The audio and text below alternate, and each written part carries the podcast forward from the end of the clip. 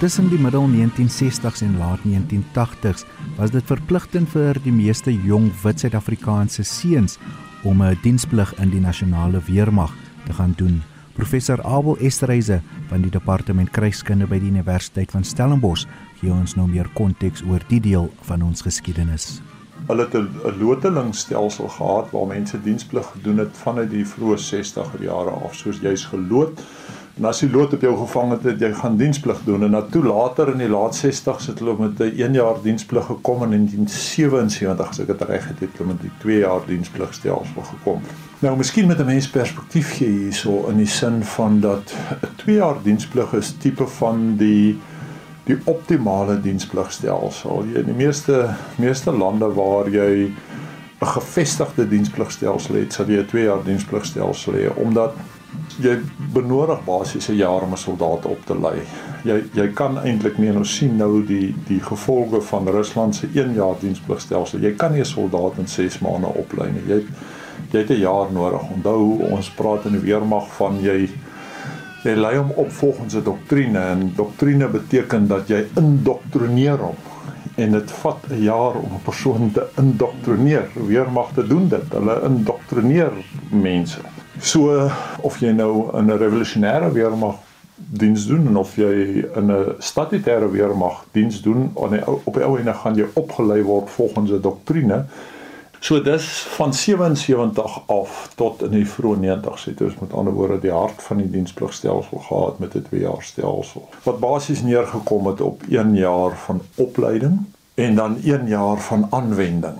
Ehm um, en met aanwending moet ek miskien sommer met die met die wegsprong sê dat daar word baie stories nou vertel deur mense wat groot grensvegters was, maar as jy regtig gaan kyk na die aantal dienspligtiges wat betrokke was by gevegssituasies as ek dit so kan stel, dan is dit eintlik 'n baie klein persentasie daarvan. Ehm um, hulle was beperk tot eenhede so 6 en Megbataljon groep, ehm um, 32 bataljon, uh die Valskerm bataljon.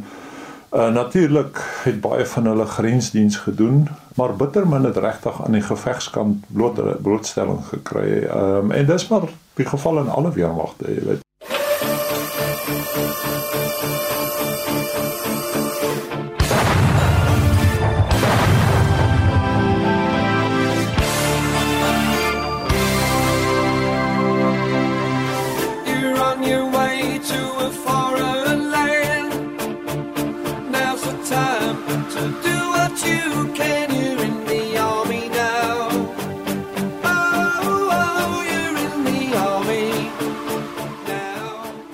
Afgetrede luitenant-kolonel in die nasionale weermag Piet Paxton vertel ons nou van sy diensplig-ervaring in die laat 1970s.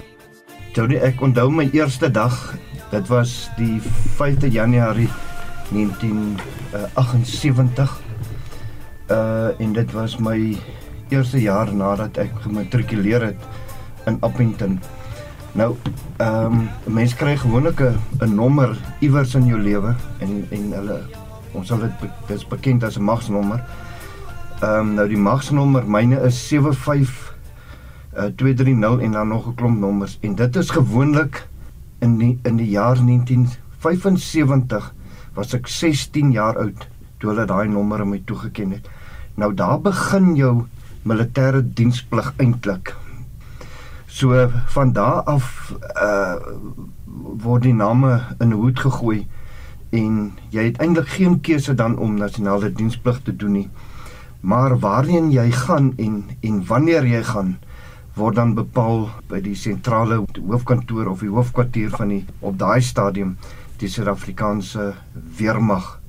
Nee, ek is toegeken aan een Suid-Afrikaanse infanterie bataljon en daai jaar in 1978 moes ek gaan rapporteer het. So jy kry jou jou oproepinstruksie en op hierdie oproepinstruksie is daar tye wat jy moet rapporteer by jou naaste spoorwegstasie en so het elke dienspligtige behalwe as jy in die dorp bly waar jy moes rapporteer het iemand jou dalk gou eenheid toe gevat. Maar die meeste Suid-Afrikaners en die meeste jong manne wat uh, weermag toe gegaan het daai tyd het by 'n stasie gerapporteer. Daar het jy op 'n troeptrein geklim en jy gaan rapporteer by die eenheid waarheen daai trein jou gevat het. En in my geval was dit uh Bloemfonteinstasie en daar het ons op militêre voertuie geklim, die ou Bedfords en uh ons is toe na die na Tempi toe en daar het ons begin met die loopbaan of met met diensplig nog nie 'n loopbaan nie. My eerste dag sal ek nooit vergeet nie. Hier stap jy in 'n jong man net klaar met skool. Jou hare hang net op jou skouers. Dit jou eerste eerste geleentheid wat jy kon kry om 'n bietjie hare los te maak en 'n bietjie hare te laat hang. En hier stap jy in 'n eenheid in met professionele staande mag soldate wat jou van een kant van die eenheid af rondstuur en rondruk tot by die volgende kant.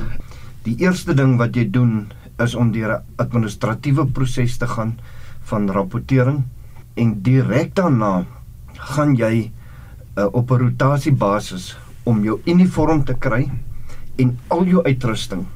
Dit is van jou trommel af tot al jou klerasie wat jy moet kry, hoede, skoene, boots. Uh, jou eerste 3 weke is in 'n militêre oorpak so 'n breine en dan word alles in 'n trommel gepak met jou matras en jy moet daai ding dra die hele wêreld vol tot by jou kamer waar jy dan jou jou bed vind en daar begin jou diensplig eintlik wanneer jy jou bed gekry het. Piet, het jy geweet wat om te verwag? Het jy geweet hoekom jy diensplig moes doen? Ja, elke jong man in Suid-Afrika het hierdie het hier nie agterkop gehad dat dat uh, wanneer jy matriek klaar maak, jy moet ehm um, jou diensplig gaan doen. Nou, jy het 'n keuse gehad om te gaan om diensplig te gaan doen of om te gaan studeer. Jy moes uitstel vra in skrif nadat jy jou oproepinstruksie gekry het. En dit is om te gaan studeer en dan het jy vrystelling gekry. Jy moes na nadat jy gestudeer het, moes jy in elk geval weer die diensplig gaan doen. Niemand het diensplig vrygespring nie. Dit was die die wet van die land en jy moes dit doen. Ek was uh semi voorberei want ek het aktief deelgeneem aan die destydse kadette op skool. So ek was in die in die in die drill peloton gewees. Ek het self uh was ek op 'n stadium in die skietspan gewees. So ons het met punt 22 geweer het ons uh skietkompetisies, kadet skietkompetisies aan deelgeneem en ook uh aan nasionale drill kampioenskappe. Ek het in in daai era groot geraak en dan uh waar ek gebly het was die een van die eenhede van die van die weermag was die 8 Suid-Afrikaanse infanterie eenheid of infanterie bataljon So ons het gereeld kontak gehad met soldate in die dorp wat van agsaai afkomstig was. So en en dit was nie 'n nuwe ding om in kontak te wees met soldate nie. Want almal was soldate. As jy jou ouer broer gehad het, hmm. hy was 'n soldaat. Ehm um, as jy ehm um, binne in jou familie, jou neefs was almal soldate gewees wat voor jou was. En en dit het dit makliker gemaak om te aanvaar dat jy diensplig sou doen in elk geval. Die een realiteit van diensplig is natuurlik jy word letterlik ehm um, saamgevoeg vanuit verskillende agtergronde uit en en so jy eindig altyd met geweldig interessante mense op saam in 'n peloton en ek dink uh, die die interessantheid van mense uit verskillende agtergronde wat saam in een peloton is in een company is uh, dit maak uh, dit gee speserye aan jou aan jou ervaring wat uh, agterna 'n tipe van 'n 'n wow is in jou refleksie op op wat dit was. Dit mense wat baie liberaal is of baie konservatief is uh, wat jou soms verbaas. Uh, mense wat baie religieus is of mense wat glad nie religieus is nie mense wat ehm uh, jy weet tale gebruik wat jy in jou lewe nog nooit gehoor het nie. En uh, ja so dis dis 'n uh, waarskynlik die as ek nou moet reflekteer daarop is dit waarskynlik die die speserye van menswees wat 'n mens opgetel het in jou in jou dienspligstelsel interessante mense interessante insidente interessante uh plekke wat jy besoek het, uh interessante situasies waarin jy was, moeilike situasies waarin jy was, um die hardheid van die opleiding gee ook vir jou lewensvaardighede wat jy jou hele lewe lank met jou saamdra. En nou kan ek vinnig praat oor daai lewensvaardighede. Tot vandag toe weet my vrou 'n wasbak moet skoon wees nadat jy hom gebruik het. Daar's 'n sakdoek in jou sak te alle tye. Jy loop en eet nie. Jy dra altyd sakkie pakkies in jou linkerhand. Uh jy loop en drink nie 'n koeldrink nie. Jy lê nooit teen 'n muur nie. Jy stap regop. Jy staan op as jy met mense groet. Jy staan op as jy met mense praat. Dis klein goedjies wat jy leer in diensplig en sommer dan daai eerste 3 maande van diensplig wat so deel raak van jou menswees jou naels wat altyd kort en skoon is, jou hande wat altyd skoon is. Dis klein goedjies wat jy leer as 'n soldaat wat jy jou hele lewe lank met jou saamdra. Dit raak so jy internaliseer die klein goedjies wat jy leer as 'n soldaat. Dis dis goed wat later so tweede natuur is dat jy dink nie eers daaroor nie. Dis interessant as jy met met dienspligtiges praat na die tyd 30 jaar na die tyd dan sê die ou vir jou hy maak nog steeds elke oggend self sy sy skoene skoon. Hmm. So dis 'n klein goedjies wat wat 'n mens nie besef oor hoe vormend diensplig eintlik was as jy terugkyk nie jou menswees om te dink voor jy met mense praat om uh, weet daar's daar's interessante goed wat jy geleer het in jou dienspligstelsel wat jou heel jou hele lewe lank sal bybly. Smiling faces as you wait to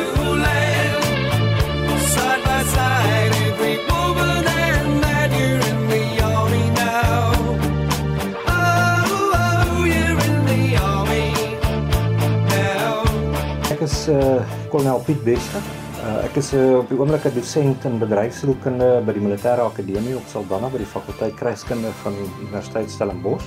En ehm um, ek was ook 'n uh, deel van die dienspligstelsel gewees. Man, soos baie mense dit al opgesom het en ek neem aan jy het seker al gehoor, baie ouens sal vir jou vertel dis die lekkerste tyd van my lewe wat ek nooit weer wil oor hê nie. Maar dit lyk vir my hoe ouer die mense word, hoe meer hinker hulle terug eintlik en dat daar sekere ouens is wat eintlik nogal uh uh jy het baie positiewe goed uit daai ervarings uitgehaal het en ek het 'n hele paar mense ook al teëgekom wat gesê het hulle het aanvanklik het hulle gedink hulle wil nooit ooit weer iets met die weermag te doen kry nie.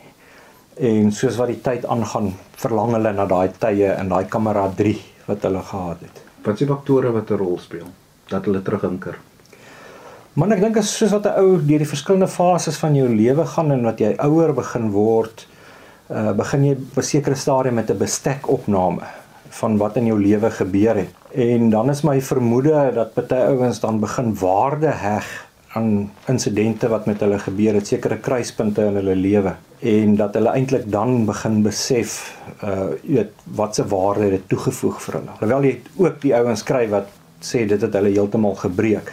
Maar die meerderheid het ek gevind het gevoel daar was 'n ware toevoeging wat hulle nie op daai oomblik ervaar het nie.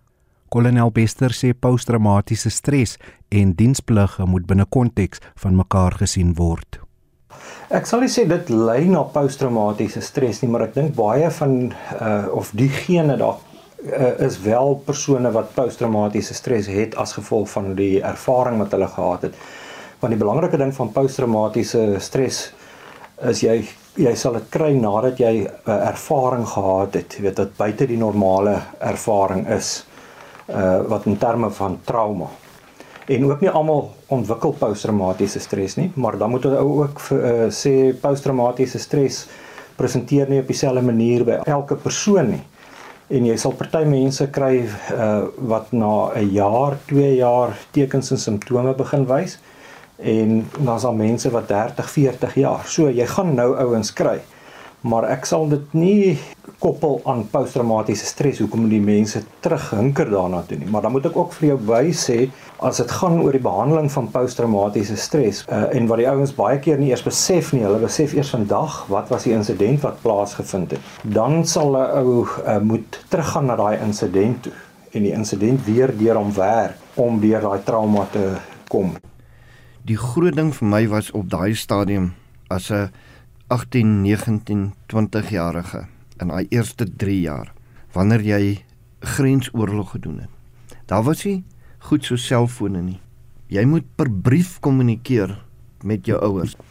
En, en wanneer jy in die basis is, kon jy huis toe bel en ek dink meeste van my jare mense onthou dit en baie mense onthou seker die tikkie boks so jy moet huis toe bel en sê op so 'n so datum gaan ek grens toe en ek gaan vir 3 maande gaan ek uit sirkulasie uit wees julle julle gaan van my hoor met 'n brief en julle kan skryf na my toe nou moet jy weet briewe vat so 2 na 3 weke om van punt A na punt B te gaan en dan skryf jy 'n brief dan gaan hy weer 3 weke terug. So jy kon nie regtig kommunikeer met wat jy deurgaan op die grens situasie nie. Ek was in en hulle het genoem kontakte. Ons was in in kontakte gewees en dan hoor jou ouers eers 'n maand daarna die gevaar situasie waarin jy was. En ek dink dit was vir baie ouers was dit daai nie weet wat met die kind gebeur as 'n jong kind wat vir 18 jaar onder hulle dak groot geraak het en nou vir 3 jaar weet jy nie waar jou kind is nie. Jy weet waar hy is, naaste by, maar jy het geen idee wat hy doen nie. Watter gevaar hy in is en watter situasies hom uitspeel daar waar hy is nie. Dit moet ek dink nou as 'n ouer en ek weet nie wat met my kinders aangaan nie, alhoewel ek elke dag met hulle op die selfoon praat en kan praat. Knaag dit aan jou des te meer daai tyd wanneer jy nie kontak gehad het op so 'n manier soos wat ons vandag kan praat met mense nie.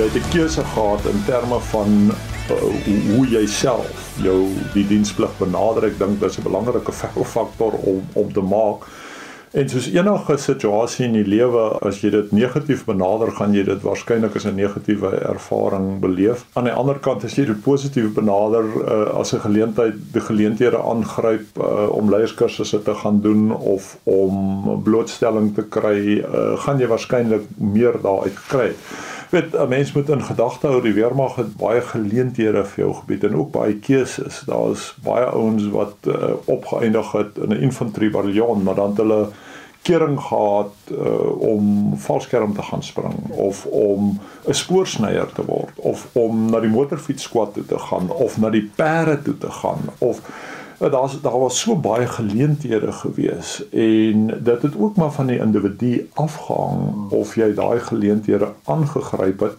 Teen die vroeë 1990s was diensplig nie meer verpligtend vir jong Suid-Afrikaners nie. Ons het geweet die afskaal van die oorlog gaan noodwendig 'n afskaal in mannekrag beteken.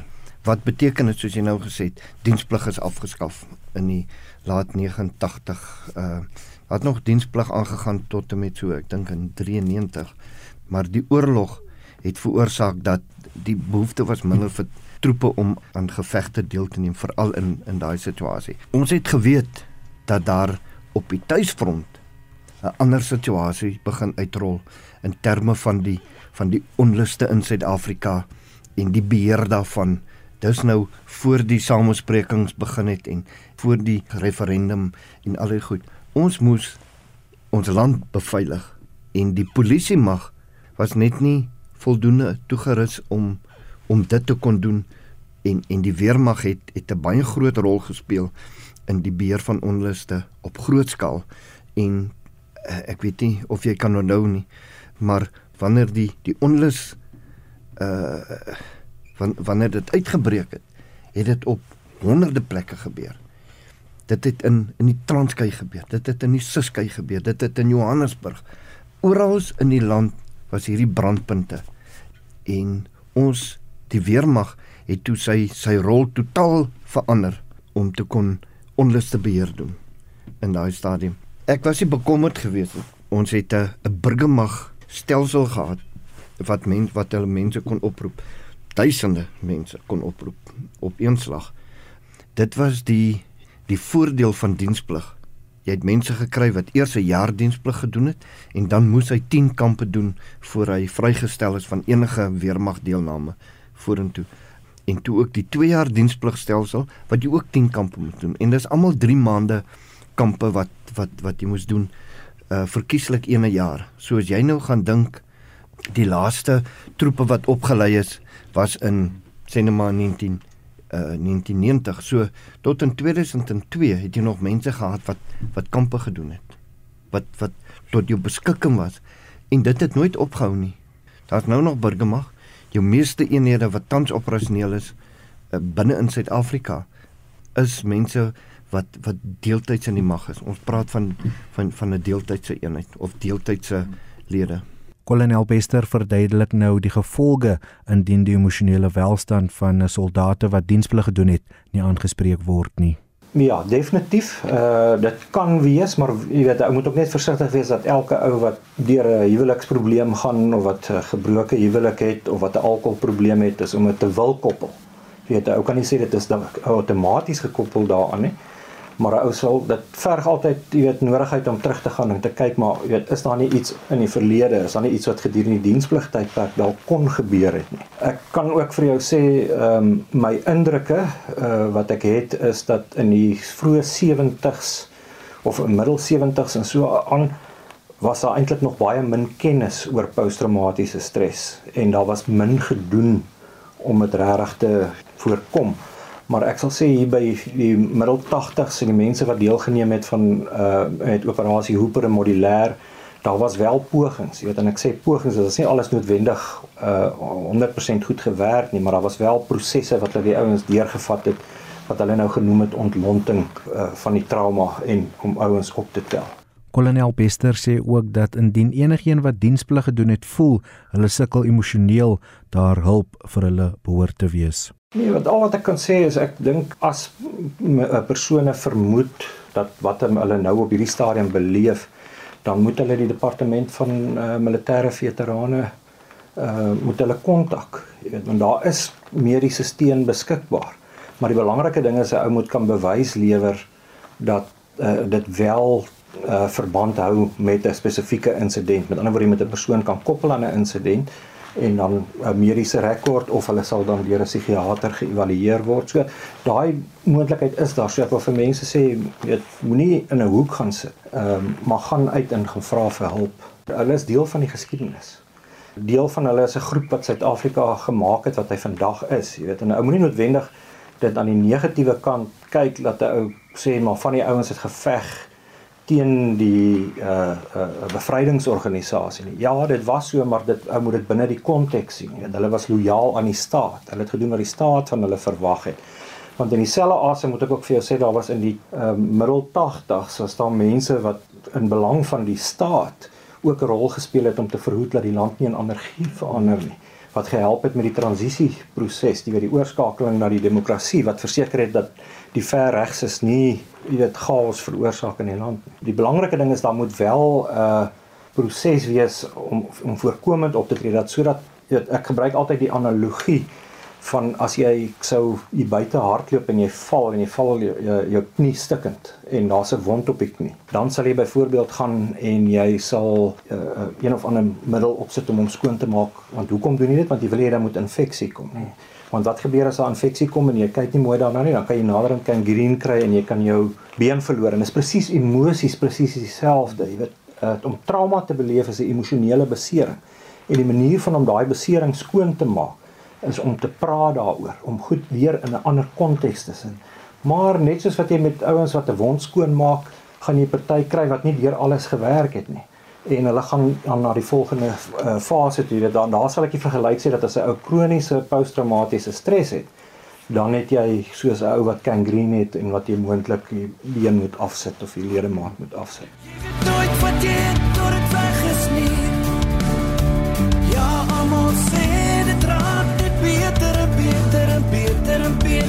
beter. Soek jy terug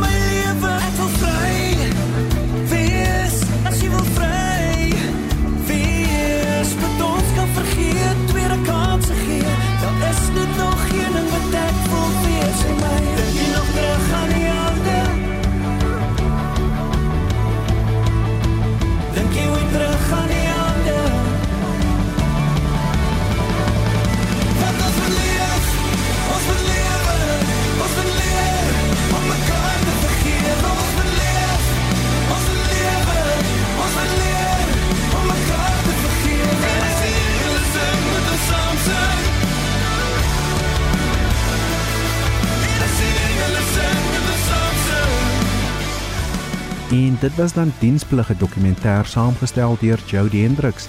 Dankie aan my gaste afgetrede luitenant-kolonel Piet Paxton, professor Abel Estreise, asook die sielkundige Piet Wester. Musiek was verskaf deur Status Quo en die Jewels Fantasties.